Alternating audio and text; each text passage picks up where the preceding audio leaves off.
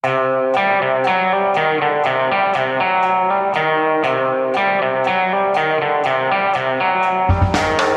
er hjemme igjen etter en veldig suksessfull tur til Europa, ifølge ham selv.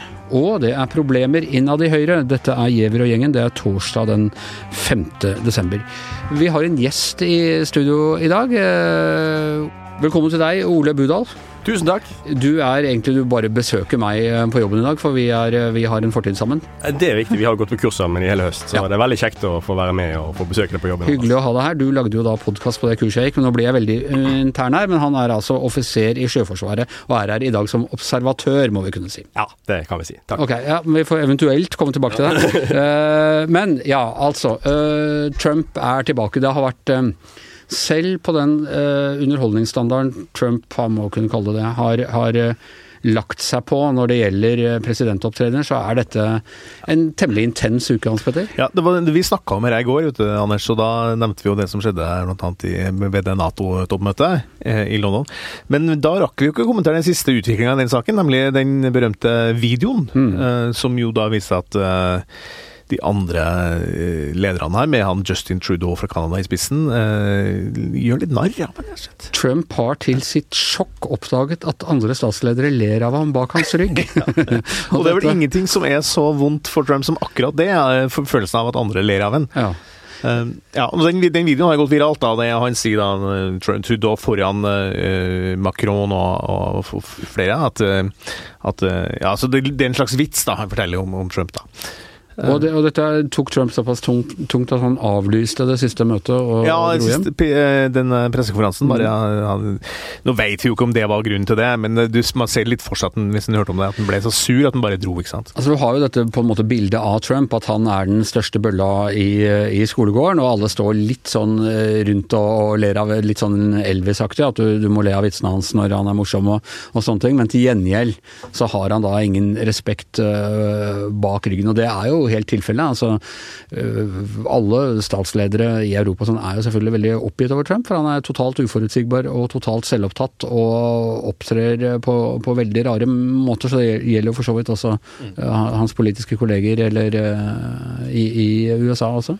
Det ville jo vært veldig rart hvis eh, de, eh, når han ikke er til stede, ikke snakker om en, for han er jo en person som det er lett å forholde seg til, for så vidt. da. Eh, og han kom jo 40 minutter for seint til det møtet, Ja. og det var det de lagde en litt joke på. da. Men det var også Boris Johnson involvert, for det er veldig morsomt i, i Storbritannia og i, innspurten til valget der, så, så vil Boris Johnson ha så lite med Trump å gjøre som mulig. Ja. Så han er så redd for å bli tatt bilde av sammen med Trump. Eh, så, så for Boris Johnson sin del så var det jo nesten sånn taktisk lurt å være med litt og stå og le litt av Trump bak ryggen Men hans. Boris Johnson han prøver å ri to hester her. eh, Jo, han rir ikke bare to hester, han rir 140 hester i hvert fall. Ja. Ja, så det, men eh, nei, det, men så, du, så jeg dro nå hjem, da. Ja. Og der fortsetter jo eh, saken. Ja, øh, og det er jo Han er jo i et Altså, han blir jo nå øh, stilt for riksrett. Tredje presidenten i USAs historie som blir stilt, øh, stilt for øh, riksrett. Og i går så hadde man jo da hadde man innkalt sånne øh, konstitusjonelle juridiske eksperter øh, på dette. Og de tre som demokratene, alle veldig anerkjente, tunge øh, spesialister på Grunnloven, så konkluderte selvfølgelig da med, ellers hadde de vel ikke blitt innkalt av demokratene, med at det var all mulig grunn til å stille ham for riksrett. Men jeg må si at han var veldig interessant å høre på, han som øh, eh, republikanerne hadde innkalt. For han kjørte ikke noe sånn Fox fra George Washington University. Eh, veldig intelligent fyr, og veldig politisk i måten han argumenterte på. Og han eh, kjørte ikke sånn Fox News-argumentasjon av no collusion og witch hunt og, og sånne ting.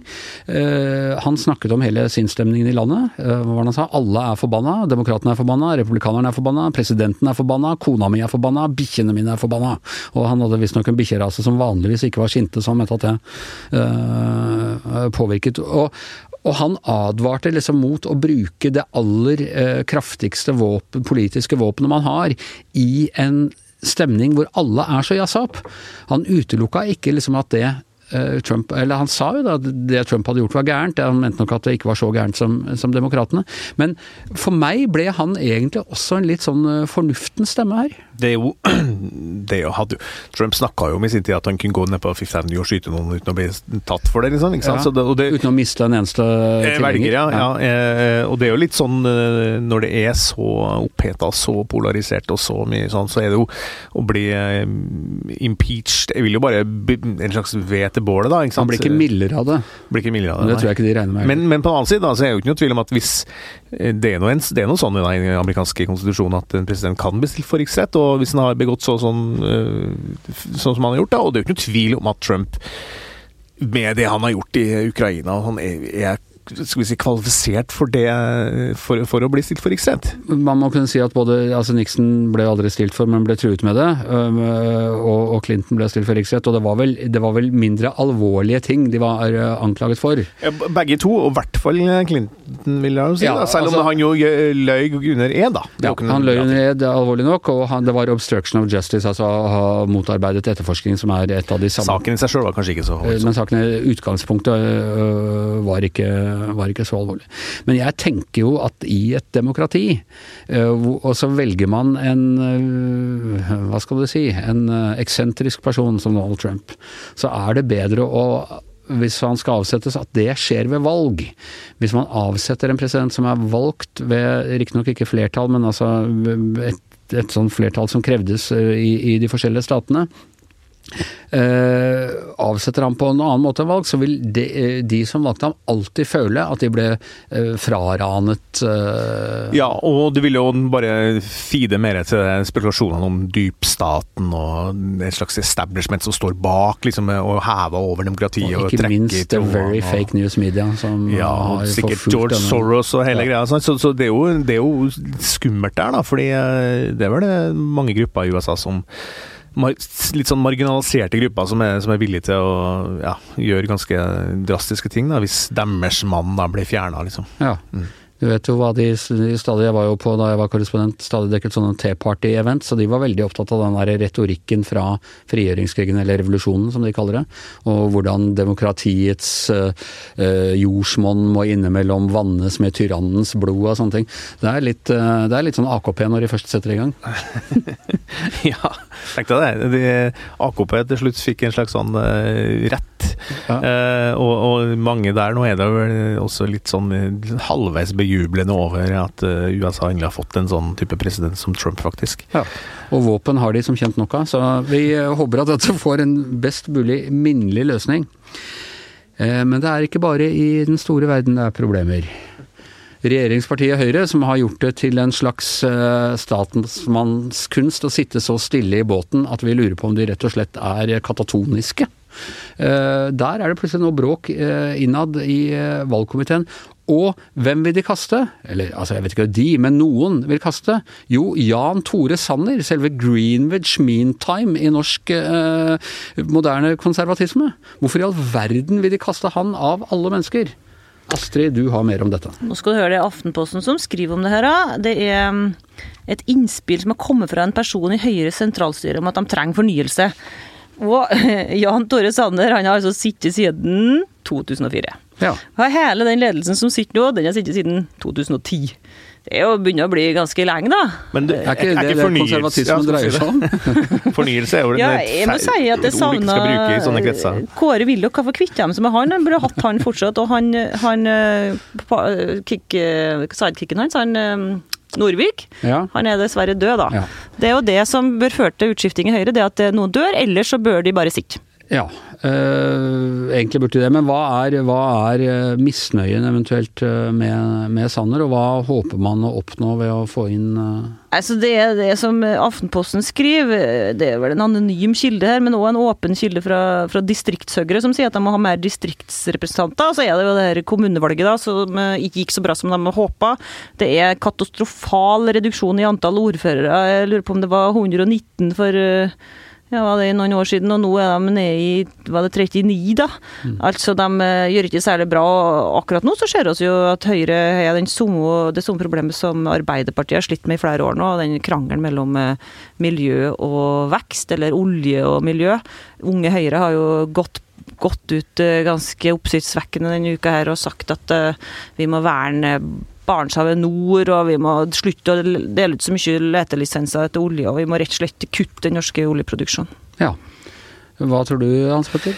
Eh, Om Sanner, eller? Ja, om hele situasjonen i Høyre? Hvorfor Ja, altså, de tenker vel at uh, i to- 2021, da, om to år, så ryker vel regjeringsmakta, vil jeg tro. De ser det vel ganske eller, De vil jo ikke si det, selvfølgelig, men innerst vil mange som tror det. Så det kan jo bety at det uh, fører til at noen da velger å, å liksom vurdere framtida, ikke sant. Uh, og det som skjer, det er jo ganske interessant. altså, Begge nestlederne Bent Høie er jo nestleder i Høyre nå, han har også sittet i uh, Sven Strais tid. Nei, det har han dog ikke. Nei, men han blir fylkesmann i Rogaland, da, Ja. og, skal jo gå av. ikke sant? Og da hvis da også Sanner Men det er sånn Høyre-topper skal gå av. De blir fylkesmenn i Rogaland. Det er, eh, Ja, det er enten det eller den andre det utgaven. er AFP for Høyre-topper. Ja, ja også, men da kan jeg, så har jo han eh, generalsekretæren Aarseth, Jon Ragnar Aarseth, også nylig trukket seg. Eh, litt sånn abrupt. eh, Litt, eh, det er best for meg selv og partiet, brukte han som begrunnelse. Det er alltid sånn, lurer på hvorfor det er som skjer. Men han går da i hvert fall, og sammen med hun Tina Bru, som er en av de store talentene i Høyre, også for Rogaland, da, slutter som leder i Høyres kvinneforum. Så det er jo det er jo en bevegelse der nå som er litt interessant. da. Det eneste som står som en påle i Høyre, er jo statsministeren, selvfølgelig. Ja, Erna Solberg, det er ingen som har utfordra henne, selvfølgelig. De tar jo gjenvalg eh, hele den bøtteballetten her, bortsett fra Høie. Og uh, har meldt inn til sentralstyret at de, eh, de gjerne går på en runde til. Men det er jo noe, sånn, noe i det som Hans Petter sier. All statistikk tilsier jo da at eh, de skal uh, gå av i regjering i 2021.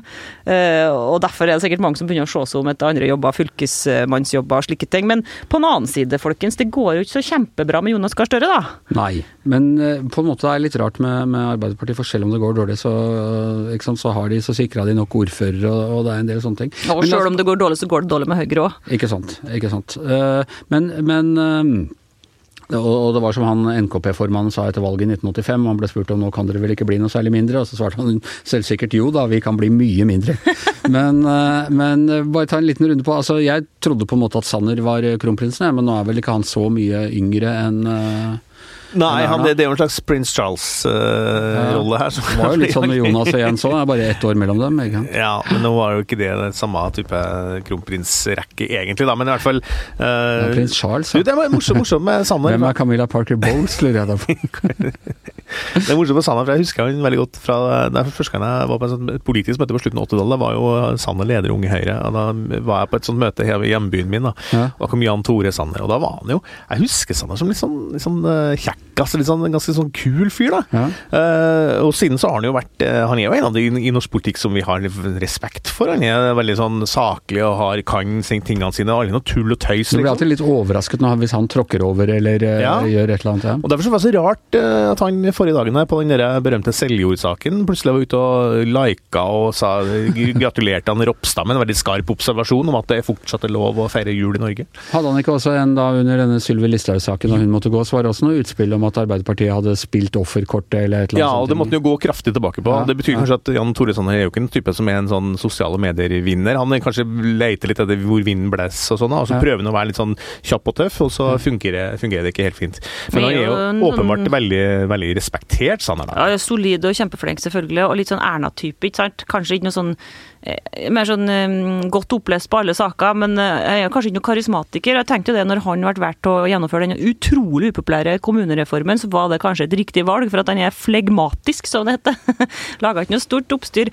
Men eh, det er jo track recorden hans òg, da. Ikke sant? I disse åra i regjering så har han jo stått bak utrolig mye upopulære greier, da. Nå er, ikke, nå er det jo Monica Mæland som har tatt over eh, den der eh, regionreformen som hun fikk eh, Ja, i fanget. Men, men akkurat det, at han har vært ansiktet til hele liksom uh, Post i Fornyinga, butikk, holdt jeg på å si, ja. eller altså alt mulig i butikk-reformen, gjør det ham mer upopulær uh, rundt om i det ganske land. Det var ikke Eh, akkurat noe vellykka, den kommunereformen. Altså, de fikk jo slått sammen noen kommuner, men det var ikke i nærheten av det de håpa på. men er det nok til at liksom folk i Høyre sier nei, nei, vi kan ikke ha han? Ja, Folk, altså, han har sittet siden 2004, det er jo kjempelenge, ikke sant. Og han er jo eh, jeg syns ikke 2004 er lenge siden. Nei, for deg som er oppi åra, så var jo det som jeg regner som i forgårs. Ja, der. Eh, men eh, nei, men altså eh, Han er jo en, fra Bærum, da. eh, En sånn klassisk sånn høyremann, litt kjedelig. Mm. Så de hadde kanskje De hopper vel også, de, og, og, og flørte litt med den distriktspopulismen, da, og som Senterpartiet har gjort det så bra med. Så det er derfor han er typen Tom Georg eh, Hva heter han eh, nede i eh, Vestfold Høyre, som da sier at nå må vi få noen grasrotfolk eller med distriktshøyre og sånne ting. Og, det var jo det som var under han Norvik også. Han var jo en sånn eh, Representerte jo det folkelige litt mer Ja, sånn. og skapte den første store høyrebølgen i Du, ja, Det var altså- Tom, Tom Georg Indrevik som er leder av. Vestland Høyre du snakka om, ikke sant? ja. ja, det heter jo ikke Vestfold lenger. Nei, Jo, jo, det heter det. Vestland, da. Men Vestland og Vestfold har alltid vært to forskjellige regioner. Det er borti der har vår venn er her. Ja, ja. Vestland er ikke samme som Vestfold. Nei, det var bare jeg som skrev feil på lappen min her, selvfølgelig. Men, eh, men det er bare én ting til med Sanner Det som var jeg som å blande var sammen Nord-Trøndelag og Sør-Trøndelag. det. Nei, det er ikke det samme. Nei, det, ja. nei, det vi skal ikke gå dit. Men eh, nei, en ting til. var- De, la fram PISA-resultatene her i går, så var jo det har Skolepolitikk har jo vært Høyres store, store sak, selvfølgelig. ikke sant? Den skulle redde norsk skole og sånn. Og så viser det seg at lesekunnskapene er like dårlige, ferdighetene er like dårlige nå som de var for lenge mange år siden. ikke sant? Og da syns jeg Sanner kom noe fryktelig på defensiven når han skulle forklare det. Det var liksom, nei, det var, det var noen andre eh, eksterne grunner til det, og at det var, gikk tross alt bra på barneskolen. Eh, og det passa ikke Sanner veldig godt å sitte der og være- defensiv. Og, for han, han har jo han har jo, han er jo politikerens vesen, han også er jo flink til å spinne. Han Og, og, ja, og så får han fortalt historien sånn at det kommer til deres fordel, men her klarer han ikke det lenger. Kanskje ikke han, eh, er jo blitt sosialdemokrat, han òg, som alle andre i Høyre. Uh, og de sier på slutten i Aftenposten-saken at vi må tilbake Nå til må vi snart gi ham kjernesakene våre. tilsvarsrett her, hvis vi skal fortsette på den måten. Forsvar og næring, uh, og det har jo ikke Og skole, som de nevner, er kjernesaker. Og de har ikke akkurat ja, eh, briljert. De har ikke fått fjerna formuesskatten, og de har ikke eh, De får bank på forsvar og ja, i det Ja. hele tatt. Vi, vi holder våre argusøyne også rettet mot eh, Høyre framover, selv om vi ikke helt hadde venta at det skulle skje så mye der. Men eh, Giæver og gjengen er over for i dag. I studio Hans Petter Sjøli, Astrid Mæland, Anders Giæver, gjest Ole Budal og formannen i vår egen valgkomité som da holder vår skjebne i sin hånd, Magne Antonsen. Og hvis han vil, så høres vi igjen i morgen.